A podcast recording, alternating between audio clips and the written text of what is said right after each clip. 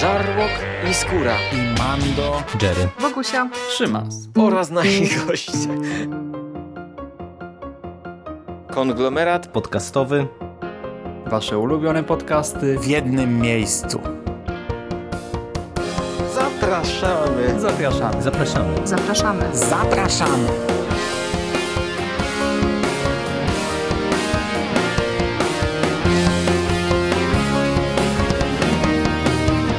Witam w konglomeracie podcastowym, czyli na platformie, która zbiera wszystkie Wasze ulubione podcasty w jednym miejscu.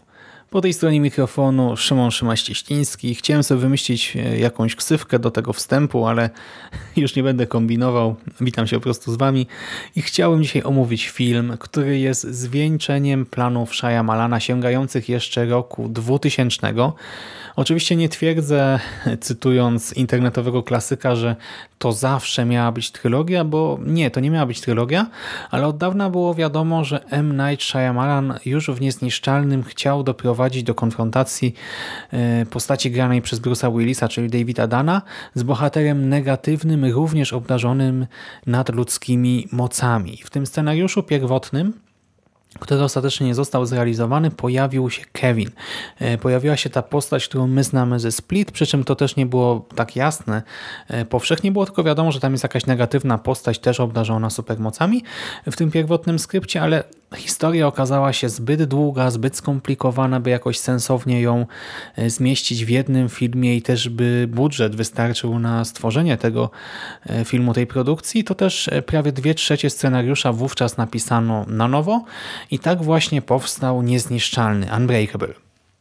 Postać Kevina jednak nigdy nie odeszła tak do końca w zapomnienie i cały czas siedziała w głowie reżysera i scenarzysty, by w końcu w roku 2016, a więc rok po sukcesie wizyty, pojawić się na ekranach kin. Mówię oczywiście o Split teraz, e, o filmie, który zapowiadał się po prostu na ciekawy thriller lub horror, ale opowiadający o człowieku obdarzonym osobowością mnogą, o seryjnym zabójcy, o osobowości mnogiej. No i chyba nikt nie spodziewał się wówczas, że powróci w tym filmie David Dunn. Wszyscy myśleli, że to po prostu kolejny zaskakujący horror. E, mieliśmy wizytę, tak? No to teraz przyjdzie czas na Split, potem może jakiś kolejny. No w końcu Malan lubi akurat ten gatunek, a tutaj psikus. Tak? Okazuje się, że w scenie po napisach pojawia się Dan. E, może i tylko w tej jednej krótkiej sekwencji po napisach, ale jednak. Jako, że i Split okazał się sukcesem i komercyjnym, i krytycznym, zarobił jakieś astronomiczne pieniądze, 30-krotność swojego budżetu, tak może nie astronomiczne w skali tam dowolnych produkcji, tak? no bo wiadomo, że nie wiem, jakieś tam Marvelek, Gwiezdne Wojny i inne tytuły z ogromnym budżetem zarabiają więcej, ale jak na film z naprawdę malutkim budżetem, no to był ogromny sukces i pewne wówczas było, że Shyamalan w końcu zrealizuje ten swój pierwotny plan i doprowadzi do konfrontacji Davida Dana z Kevinem Crambem, a więc właśnie bohaterem Split. I udało się to troszkę w ponad dwa lata później, w styczniu 2019. Teraz mamy e, początek lutego, gdy ja dla Was nagrywam e, i w styczniu 2019 premierę miał film Glass, który dzisiaj zrecenzuję. Ale nim przejdę do samej produkcji, jeszcze zaznaczę, że ten mój podcast będzie troszkę inny niż większość opinii w sieci. Nie będzie kolejnym wiadrem żółci, żółci, hejtu, pogardy e, wylewanym na M. Night Shyamalana. Mm celowo używam tych słów, bo naprawdę ja rozumiem, że filmy się mogą nie podobać. Ja też mam filmy, których szczerze nie lubię, które mi się strasznie podobają, ale to, co się tutaj dzieje, to troszkę już zakrawa na hipokryzję z punktu jeżeli chodzi o niektórych recenzentów. I powiem więcej nawet, ten podcast nie będzie też krytyczny, tak w gruncie rzeczy, bo ten film mi się podobał. Ja wyszedłem z kina zadowolony i z perspektywy czasu Teraz jestem już półtora tygodnia po seansie. Ja dostrzegam różne jego uchybienia, o których też będę mówił y, na tym nagraniu, ale na sali kinowej ja byłem zachwycony. Ja wsiąkłem w ten świat, kupiłem go w całości i bawiłem się naprawdę całkiem nieźle. I mogłoby się wydawać, że jestem w mniejszości, bo w internecie aż roi się od krytyki, y, krytyki i zwyczajnego hejtu, bo to należy rozróżnić, y, ale już ocena na IMDb wynosi 7,0 na 10 tak, dla Glass, a więc jest to ocena całkiem wysoka, zwłaszcza, że mam do czynienia z dużą ilością tych ocen. Split i Unbreakable wypadają troszkę lepiej, bo posiadają oceny 7,3 na 10, no ale nadal to jest wynik całkiem myślę pozytywny. Metascore i wynik na pomidorkach są już dużo gorsze w przypadku Glass. Krytyka nie polubiła tego filmu, to akurat widać i czuć. E, pomidorki dają mu tylko 36% świeżości, a więc bardzo niski wynik e, na Metascore e, zebrał raptem 43 punkty, no słabiutko. A teraz przejdźmy do konkretów i zastanówmy się nad tym, czy taka niska ocena jest tutaj sprawiedliwa. W tym filmie powraca David Dunn z Niezniszczalnego i nie pracuje już jako ochroniarz na stadionie, ale prowadzi wspólnie z synem sklep z systemami zabezpieczeń. Przynajmniej za dnia, bo wieczorami zakłada swoją przeciwdeszczową kurtkę i patroluje miasto wyszukując przestępców, a następnie pokazując im przy pomocy swojej supersiły, gdzie raki zimują. E, tak, jest e, na takich swoich codziennych patrolach i aktualnie e, te jego nocne wycieczki mają na celu przede wszystkim odnalezienie hordy, a więc seryjnego mordercy, który działa na terenie Filadelfii i prawdopodobnie odpowiedzialny jest za uprowadzenie czterech czy literek między innymi. Tak, to jest najnowsze zaginięcie i być może dziewczyny jeszcze żyją, ich ciała nie zostały póki co znalezione. Więc David stara się wytropić e, naszego psychopatę. I sprawdzając jeden z tropów, e, wpada właśnie na Kevina Wendella Cramba, czyli bohatera filmu Split. E, tutaj akurat David dostrzega dorosłego mężczyznę, który zachowuje się jak nastolatek z ADHD, zderza się z nim i wówczas jego moc, moc dana daje o sobie znać, co prowadzi ostatecznie do konfrontacji między niezniszczalnym a bestią, a więc spełnia się marzenie Malana. I ta konfrontacja wypada ciekawie. E, te dwa teoretycznie nie do końca przystające ze sobą światy zostają połączone. Tak, Zostały połączone ten mroczny heroizm, e, apatyczny, mroczny heroizm Dana e, z horrorowym szaleństwem Kramba i to działa. Hybrydyzacja przebiega pomyślnie, napięcie wzrasta, emocje sięgają zenitu na moment i wtedy film zwalnia. I to tak zwalnia totalnie, a bohaterowie trafiają do zakładu y, dla psychicznie chorych pod opiekę dr Ellie Staple. W tej roli akurat Sarah Paulson. Ellie Staple specjalizuje się w leczeniu urojeń dotyczących bycia superbohaterem. I pani doktor zamyka Davida i Kevina w placówce, w której już od dłuższego czasu przebywa także Elijah Price. Elijah oburzony lekami i nasza pani doktor zamierza uświadomić bohaterom, że wcale nie posiadają supermocy. Akcję śledzimy potem tak jakby dwutorowo. Na pierwszym planie obserwujemy, jak dr Staple próbuje zracjonalizować wszystkie zdolności naszych bohaterów i wszystkie dotychczasowe wydarzenia z ich udziałem. E, równocześnie też śledzimy, jak niezniszczalny Bestia i Glass reagują na owe zabiegi i też na siebie nawzajem, jak tam wyglądają interakcje między nimi. I w tym miejscu chciałbym przypomnieć, że David Dunn stał się niezniszczalnym y, tylko i wyłącznie na skutek perswazji Elijah. Elijah Price'a, y, który wyłożył mu dokładnie, że ma supermoce, jakie ma supermoce, jak działają, y, co i jak. Elijah stworzył Davida i teraz widzimy wątek odwrócenia tego zabiegu, tak? próbę e, wyjaśnienia, że wszystko, co mówił Elijah, to było kłamstwo, e, a te moce to wcale nie są moce, tylko jakieś e, no nieprzeciętne, ale jednak ludzkie zdolności. I dużo osób krytykuje ten wątek, a ja absolutnie nie rozumiem tej powszechnej krytyki, bo to odwrócenie wątku tworzenia superbohatera wydaje się no, zwyczajnie bardzo ciekawe dla mnie, skoro możemy stworzyć super złoczyńcę czy super bohatera, dlaczego nie możemy go no, zniszczyć, tak cofnąć tego procesu? No ten film nam pokazuje, czy możemy, czy nie możemy. Na drugim planie widzimy zaś Josepha Casey, panią Price, Josepha Dana, czyli syna Davida, który początkowo współpracuje z ojcem. E, on wie oczywiście o tych jego supermocach, e, pomaga mu w tych nocnych patrolach, a potem zastanawia się, jak wyciągnąć tatę z tej patowej sytuacji. Casey a więc Final Girl y, ze Split, y, która wie, że część osobowości Kevina jest dobra, tak? Y, która miała niezły kontakt na przykład z Hedwigiem i też Casey, która właśnie przeżyła pewną traumę i teraz się dowiaduje, że ten jej niedoszły oprawca został złapany tak? i że znajduje się w okolicy no i chce się jakoś skonfrontować z nim w tym filmie. No i mamy też panią Price, która mimo świadomości, że jej syn spowodował trzy ogromne tragedie, trzy katastrofy i doprowadził tym samym do śmierci setek osób, nigdy się go nie wyrzekła, nigdy go nie opuściła i wciąż regularnie go odwiedza.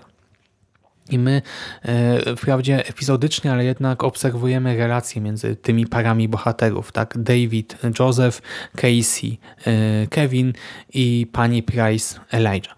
Co istotne, w tych rolach zobaczymy aktorów i aktorki z poprzednich filmów, ze Split i Niezniszczalnego, e, czyli właśnie Spencera Clarka, Anię Taylor-Joy i Charlene Woodard. I tutaj jak raz w przypadku pani Woodard też pojawia się krytyka związana z tym, że ta aktorka jest zbyt młoda zwyczajnie. No rzeczywiście, gdy kręcono Niezniszczalnego, to pani Charlene Woodard była 5 lat młodsza od e, Samuela, Samuela L. Jacksona, a grała jego matkę. E, no i wtedy w sumie chyba nikomu to nie przeszkadzało, nie było tego też tak mocno czuć, ale że tutaj e, Samuel już jest starszym mężczyzną, jego postać też jest już e, starszym mężczyzną, no to może rzeczywiście pani Woodard jest troszkę za młoda, ale moim zdaniem na ekranie absolutnie tego jakoś mocno nie czuć. No może można było mocniej postarzyć aktorkę, ale nie wiem, mnie to nie przeszkadzało, po prostu wspominam o e, tym, jak niektórzy ludzie to odbierają. I skoro jesteśmy przy aktorstwie, to poświęćmy chwilę naszym trzem głównym postaciom. McAvoy jest genialny. James McAvoy gra w tym filmie każdym mięśniem, każdym gestem, każdym mrugnięciem oka. E, wiecie, w pewnej scenie jest Kevinem, Hedwigiem, Patrycją, nieważne. Ważne jest to, że nie musi mówić kim jest, nie musi nawet nic mówić, a my jako widzowie wiemy, która z osobowości przejęła nad nim kontrolę. Jeżeli oglądaliśmy Split, no to już w ogóle, wiecie, poznajemy każdą kolejną postać i tutaj w tej produkcji wcielił się McAvoy we wszystkie 24 osobowości, tak? czyli w Kevina i 23 e, osobowości dodatkowe, e, przy czym e, ostatecznie z tej wersji, która weszła do kin filmu, wycięto w całości trzy z nich, a część po prostu okrojono tych występów, no ale tak czy siak widzimy niesamowity popis aktorstwa. McAvoy jeszcze raz udowadnia, że jest genialnym aktorem, który potrafi zmieniać osobowości tak prosto jak kanały w telewizji. E, I to robi niesamowite wrażenie na ekranie. No chyba nikt akurat tej jednej rzeczy nie zaneguje i nie skrytykuje, a po tym wszystkim, wiecie, wracacie do domu, chcecie nagrać podcast o Glass, odpalacie sobie wywiad z McAvoyem, wywiad, w którym facet nie gra żadnej z tych postaci, tylko jest sobą mówi inaczej, zachowuje się inaczej, ma strasznie mocny y, szkocki akcent, jest właśnie 25 osobowością Kevina y, z filmu, do tego ma włosy, brodę i wąsy, no i widzicie to i zbieracie szczękę z podłogi po raz kolejny. Naprawdę przeżyłem taki szok oglądając wywiady z McAvoyem teraz przed tym nagraniem, że głowa ma, patrzyłem na niego i tak sobie myślę, jak, jak, jak ty to zrobiłeś w tych filmach, także jak ty odegrałeś tam te postaci, przecież wow, no no wiem, no aktor, tak niby jego praca, ale e, no myślę, że wielu aktorów absolutnie by nie dało rady, zwłaszcza w tak spontaniczny, naturalny sposób. Ale dobra, koniec zachwytów nad Marawojem, Bruce Willis. Bruce Willis jest w tym filmie stary i zmęczony. Tak, to prawda. Ludzie mówią, że gra na autopilocie, że mu się nie chce albo że już nie potrafi. No i to nie jest do końca prawda, bo on jest taką postacią bardzo świadomie. Tak? To jest kreacja w pełni spójna z tym, co zobaczyliśmy w Niezniszczalnym.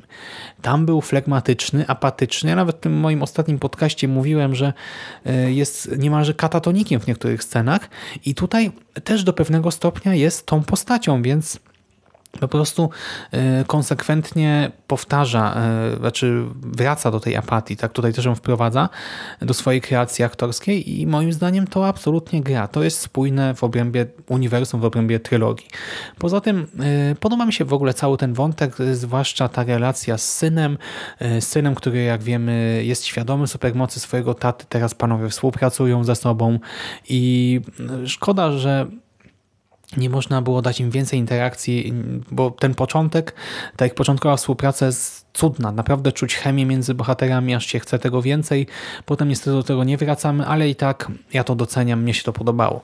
A Jackson, Samuel L. Jackson przez połowę filmu nie może wstać z wózka i nie odzywa się. Dosłownie tak jak ten film trwa bodajże 128 minut, coś koło tego, e, to dopiero w okolicy 60 minuty, tak? Przed e, minięciem pierwszej godziny postać Elijah wymawia pierwsze słowa. A mimo tego e, Jackson naprawdę sprawnie odgrywa naszego masterminda, masterminda z niezniszczalnego. I to nie jest też przypadek, że zwieńczenie trylogii nosi tytuł Glass. E, to też nie chodzi tylko o to, bo po prostu każdy bohater miał swój nick w tytule, tak? Teoretycznie jest to produkcja o trójce postaci, ale w finale okazuje się, kto rozdaje karty, tak? E, właściwie trójce postaci i jeszcze mamy jeden mały twist, a tu w finale okazuje się, że jednak Elijah no to jest nasz mastermind, to jest no Glass to Glass i trzeba go szanować. I też ta postać w sumie mi się bardzo na ekranie podobała. Co do całej tej otoczki fabularnej, to wątek terapii początkowo irytuje. E, irytuje z tego względu, że jest ona nietypowa, nieprzystająca w pewien sposób do tego świata, który ma być rzeczywisty. Pamiętajmy, że to jest trochę e, real life superhero. Nie? Ten świat ma być wiarygodny, a ta terapia jest troszkę nieprawdopodobna. Dzieją się dziwne rzeczy, lekarz mówi dziwne rzeczy. To może wywołać troszkę dysonans, e, który jednak zostanie anulowany przez, przez ostatni akt filmu, w którym te wszystkie nietypowe rzeczy się wyjaśnią. Tak dowiemy się, dlaczego ludzie zachowywali się tak, jak się zachowywali. No i to też no, może komuś przeszkadzać. Mnie też troszkę wybijało początkowo momentami, ale ostatecznie jakoś tam ma sens. I jako, że jest to film M. Night Shyamalana, mamy oczywiście mocne zwroty akcji, bardzo komiksowe, ale zarazem uwiarygodnione na tyle, na ile się dało. Nie zawsze dało się w pełni, ale tutaj twórca stara się osadzić to jednak e, w rzeczywistości, tak stara się e, na tyle, na ile potrafi stąpać po ziemi i ktoś może mimo wszystko uznać, że to bzdura, tak odrzucić całą tę wizję, ale osobiście byłem w stanie uwierzyć i w sumie nadal jestem, że gdyby bohaterowie istnieli pośród nas, to mogliby doświadczać mniej więcej takich rzeczy jak w filmie. E, co istotne, udało się e, połączyć te wszystkie trzy filmy w jakąś trylogię przez różne zabiegi właśnie w Glass. Udało się na przykład połączyć Dana i Bestię. Panowie mają tutaj do pewnego stopnia wspólny origin. Jeszcze jeżeli chodzi o całą tą komiksową otoczkę, to dostajemy tutaj sporo rozważań na temat, e, wiecie, samych komiksów, samego medium, tak, czy nad naturą superbohaterów, ale to wszystko jest e, takie w miarę płytkie, po prostu to są takie smaczki, mrugnięcia okiem, y, nic głębokiego. Y, w dialogach na przykład pojawiają się dosłownie przywołane crossovery, originy, komiksowe eventy i też niektóre sceny są tak jak gdyby opisywane. Poza tym oczywiście odwiedzimy sklep komiksowy, to dokładnie ten, który widzieliśmy y, w Niezniszczalnym. I właśnie no, elementy z tych trzech produkcji tutaj, znaczy z tych dwóch poprzednich produkcji powracają w tej trzeciej. E, Shyamalan świadomie spaja całą trylogię większą całość. Spójną całość w Glass e, ujrzymy na przykład e, wykorzystane, ale też niewykorzystane czy wycięte sceny z Niezniszczalnego i Split. W tym, wiecie, w przypadku Niezniszczalnego to jest zaskoczenie. Nagle widzimy sekwencję z młodszym Bruce'em Willisem i jego młodszym filmowym synem, która została nagrana w 2000 roku, czy nawet tam w 10 99, no to robi dobre wrażenie, naprawdę. Y, wciąż też obowiązują y, w grę te same schematy kolorystyczne, co w dwóch poprzednich filmach. Y, zieleń jest kolorem życia i Davida, musztardowa żółć kolorem buddyjskich mnichów, rytuałów hinduskich i oczywiście Kevina, czy też bestii, a fiolet symbolizuje ponownie elitarność Elijah, czyli naszego masterminda i to bardzo fajnie gra na ekranie. Ponownie zobaczymy, nie wiem, zieloną półkę z komiksami superbohaterskimi w y, tym sklepie i fioletową półkę y, z tymi publikacjami poświęconymi arcyłotrom. Powrócą te kolory też w sekwencji szpitalnej, w tym drugim akcie, e, przy czym tutaj cały ten szpital ma kolory raczej pastelowe, monochromatyczne, to też jest istotne w kontekście tego, co się dzieje na ekranie. Tak? Ten film bardzo świadomie operuje kolorystyką, oddając symbolicznie stan naszych bohaterów, co mnie się ponownie podoba, tak się zacząłem powtarzać. E, znajdziemy tu także sporo odniesień do rynku komiksowego, do DC, Marvela, ale i do Szklanej Pułapki. Tak się zastanawiałem, czy to odniesienie jest e, takie oczywiste, jak mi się wydawało e, w kinie. Teraz tak przejrzałem internet, no i nie wiem, chyba jednak nie. E, uważny widz w ogóle wyłapie sporo smaczków pokroju, nie wiem, 24 szczoteczek Kevina Kramba, świetna rzecz. E, faktu, że Ellie Staple znała się z dr Karen Fletcher. Pierwsze spotkanie Kevina, jego matki i Davida mogliśmy zobaczyć na ekranach kin w 2000 roku, co jest niesamowite.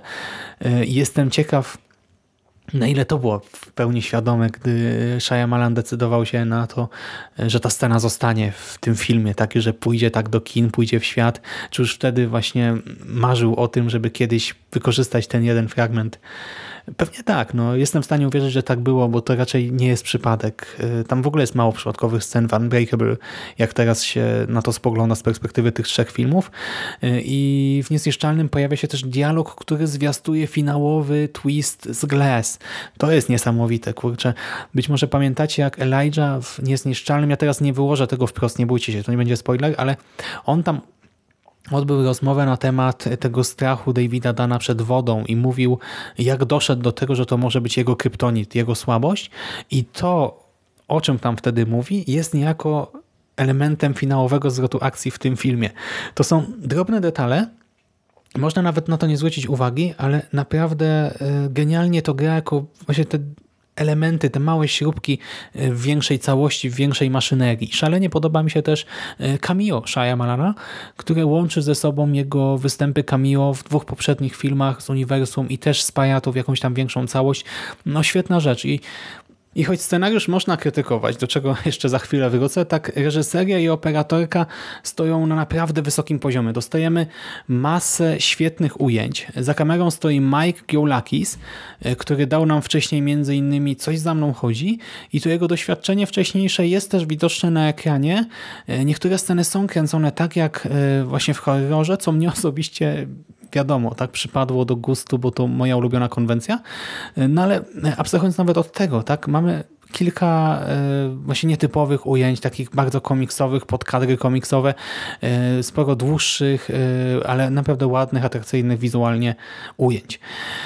Ale teraz przejdźmy do Was, żeby nie było, że tak tylko chwalę, no to taką najbardziej rzucającą się w oczy i jakby nie patrzeć obiektywną wadą jest to, że w tej produkcji mamy masę ekspozycji i to takiej, mm, wiecie, kładziemy kawę na ławę. Jest to w dużej mierze ekspozycja dla osób, które dawno albo i wcale nie widziały Split i Unbreakable. E, film w tej materii zakłada, że widz będzie bierny, nieszczególnie inteligentny, e, wszystko podaje na talerzu, do tego robi to e, w sposób dość nachalny przez samą strukturę produkcji, to jak bardzo jest to wszystko zamotane tutaj, bo dopiero pod koniec mamy dwa wielkie twisty, które oczywiście wszystko wyjaśniają.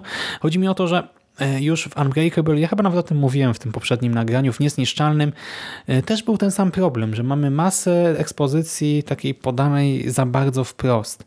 E, traktowania widza trochę jako przygłupa, ale z drugiej strony tam mieliśmy foreshadowing, który to trochę równoważył. I tutaj teoretycznie ten film też ma niezły foreshadowing i część rzeczy no, część rzeczy można się domyślić spokojnie, myślę, oglądając ten seans w skupieniu, y, ale mimo wszystko no właśnie postanowiono wszystko powtórzyć po dwa razy, tak powiedzieć, y, tak zupełnie bez ogródek i przez to dostajemy masę dialogów, które no mnie osobiście jakoś mocno nie przeszkadzały, ale znajomi określili je mianem czerstwych i niepotrzebnych.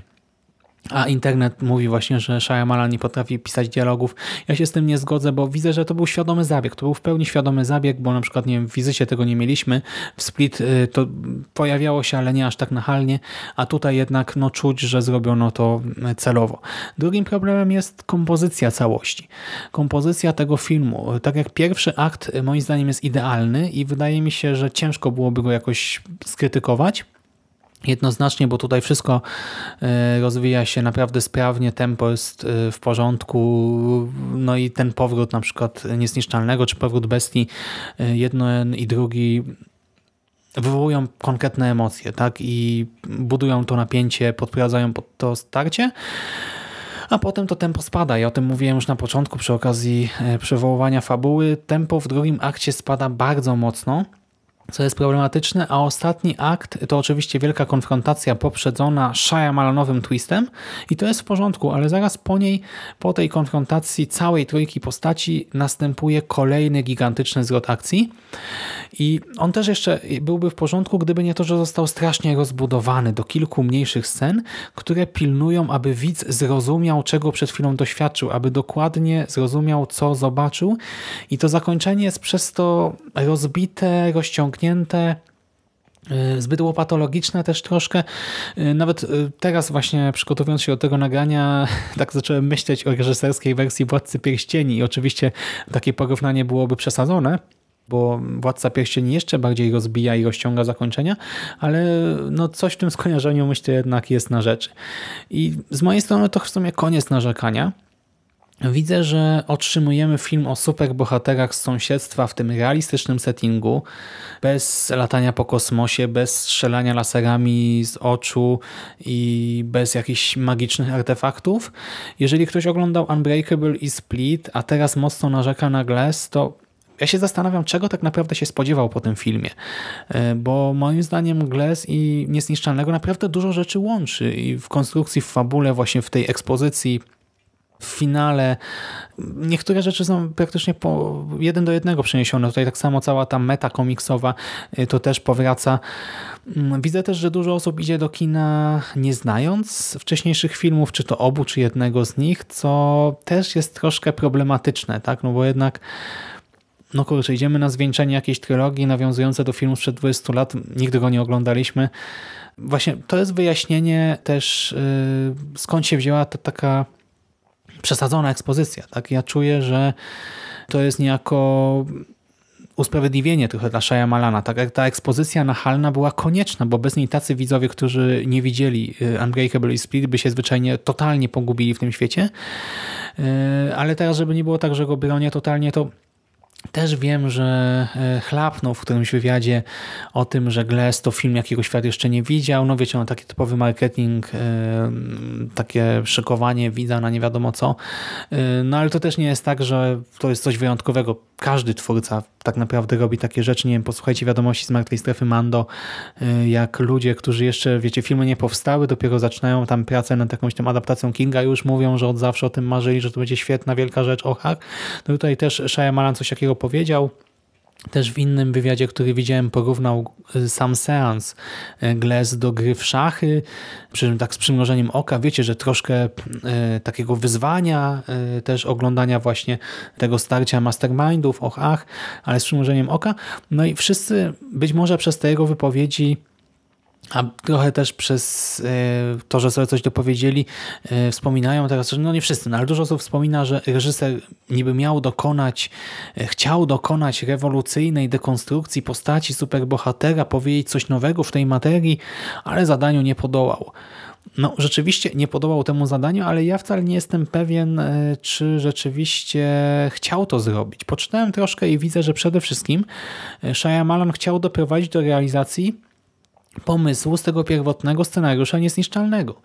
I chciał doprowadzić do konfrontacji Dana z Kevinem, a to mu się akurat udało, tak zrobił to. Czy wam się to podoba na ekranie, czy nie, to jest sprawa drugorzędna, ale no cel swój osiągnął. Zamknął też wątki całej trójki głównych bohaterów w sposób tak ironiczny, że głowa mała i wiele osób też y, załamuje ręce nad tym, y, na przykład y, nad faktem, co się stało z postacią Davida, ale dla mnie to jest prawie że idealny koniec takiego what if i zarazem real-time superhero movie.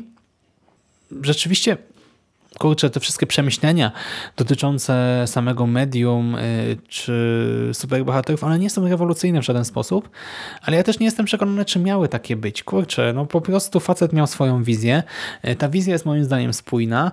Teraz powtarza tutaj w dużej mierze treści z Niezniszczalnego i ani wtedy, ani dziś ta metanarracja nie była czymś wyjątkowym, a jedynie była smaczkiem w postaci takiej dodatkowej warstwy i tutaj też tak to dla mnie działa tak? Gdy postać Price'a, Elijah y, mówi coś o crossoverach, origynach i tak dalej, to ja się uśmiecham y, do ekranu, ale nie traktuję tego jako jakąś prawdę objawioną, odkrycie Ameryki czy coś takiego. Nie, to jest banalne, ale no mamy kurczę kino rozrywkowe nietypowo podchodzące do superbohaterów. Tak, były inne filmy, które to robiły, być może robiły to lepiej, być może robiły to ambitniej, ale to nie znaczy nagle, że tutaj to jakoś się zupełnie nie sprawdza, przynajmniej w moim odczuciu.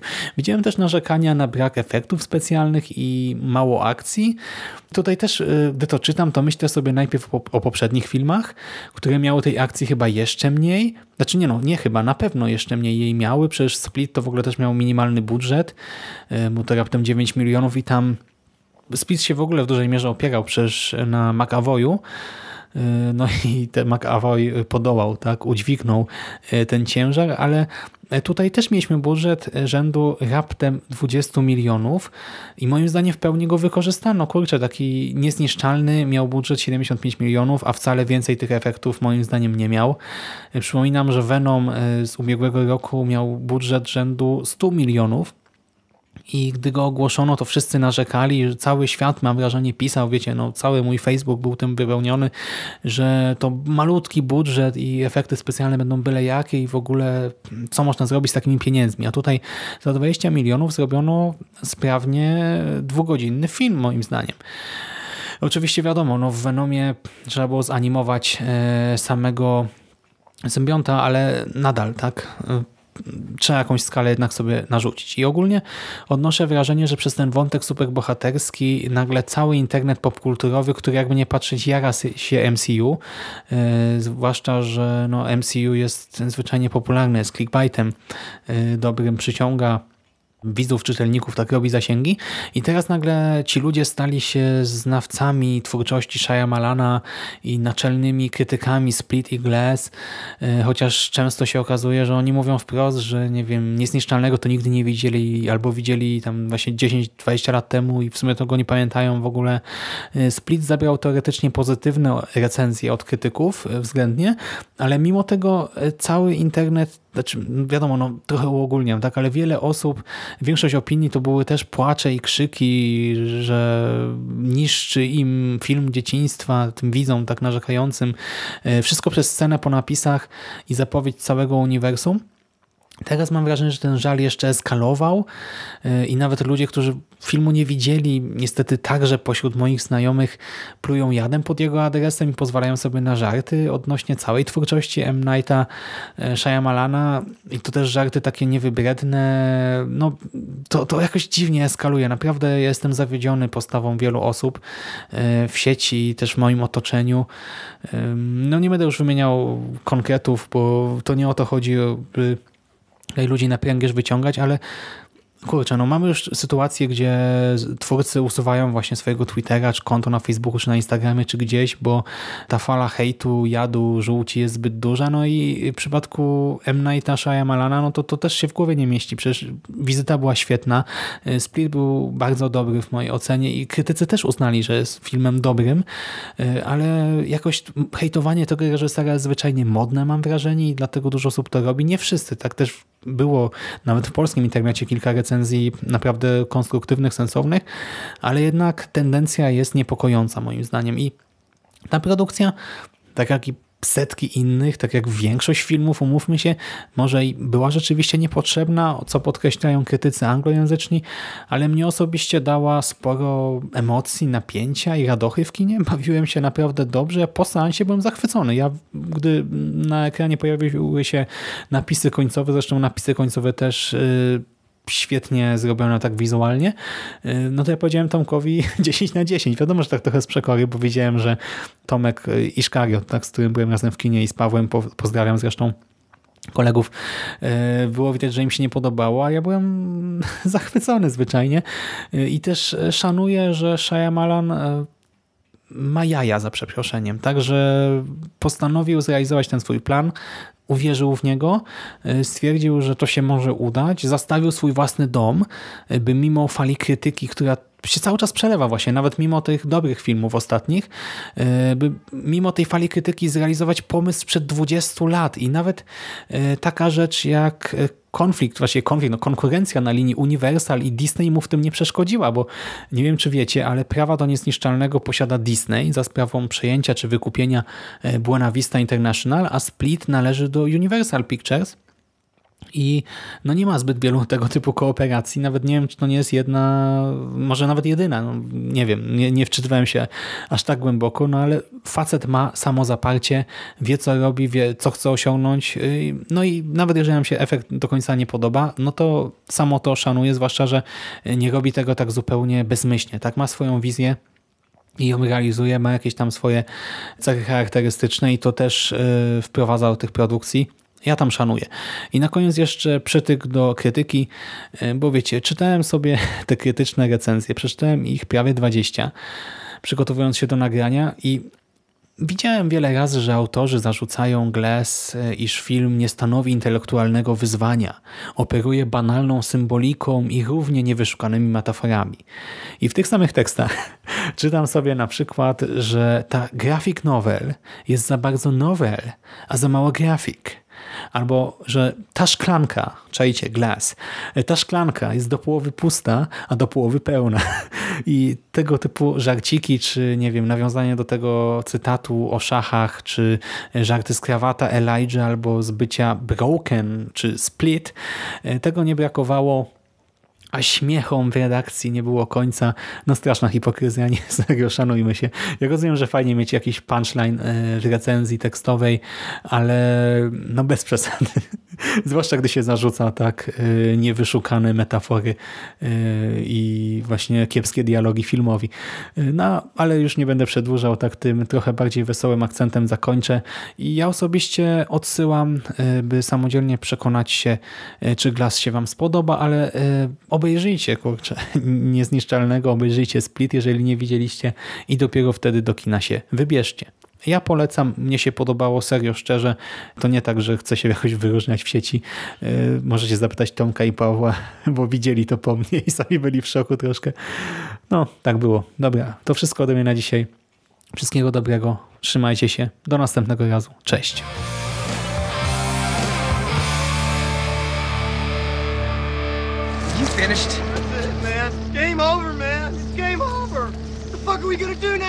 What are we gonna do? It's over.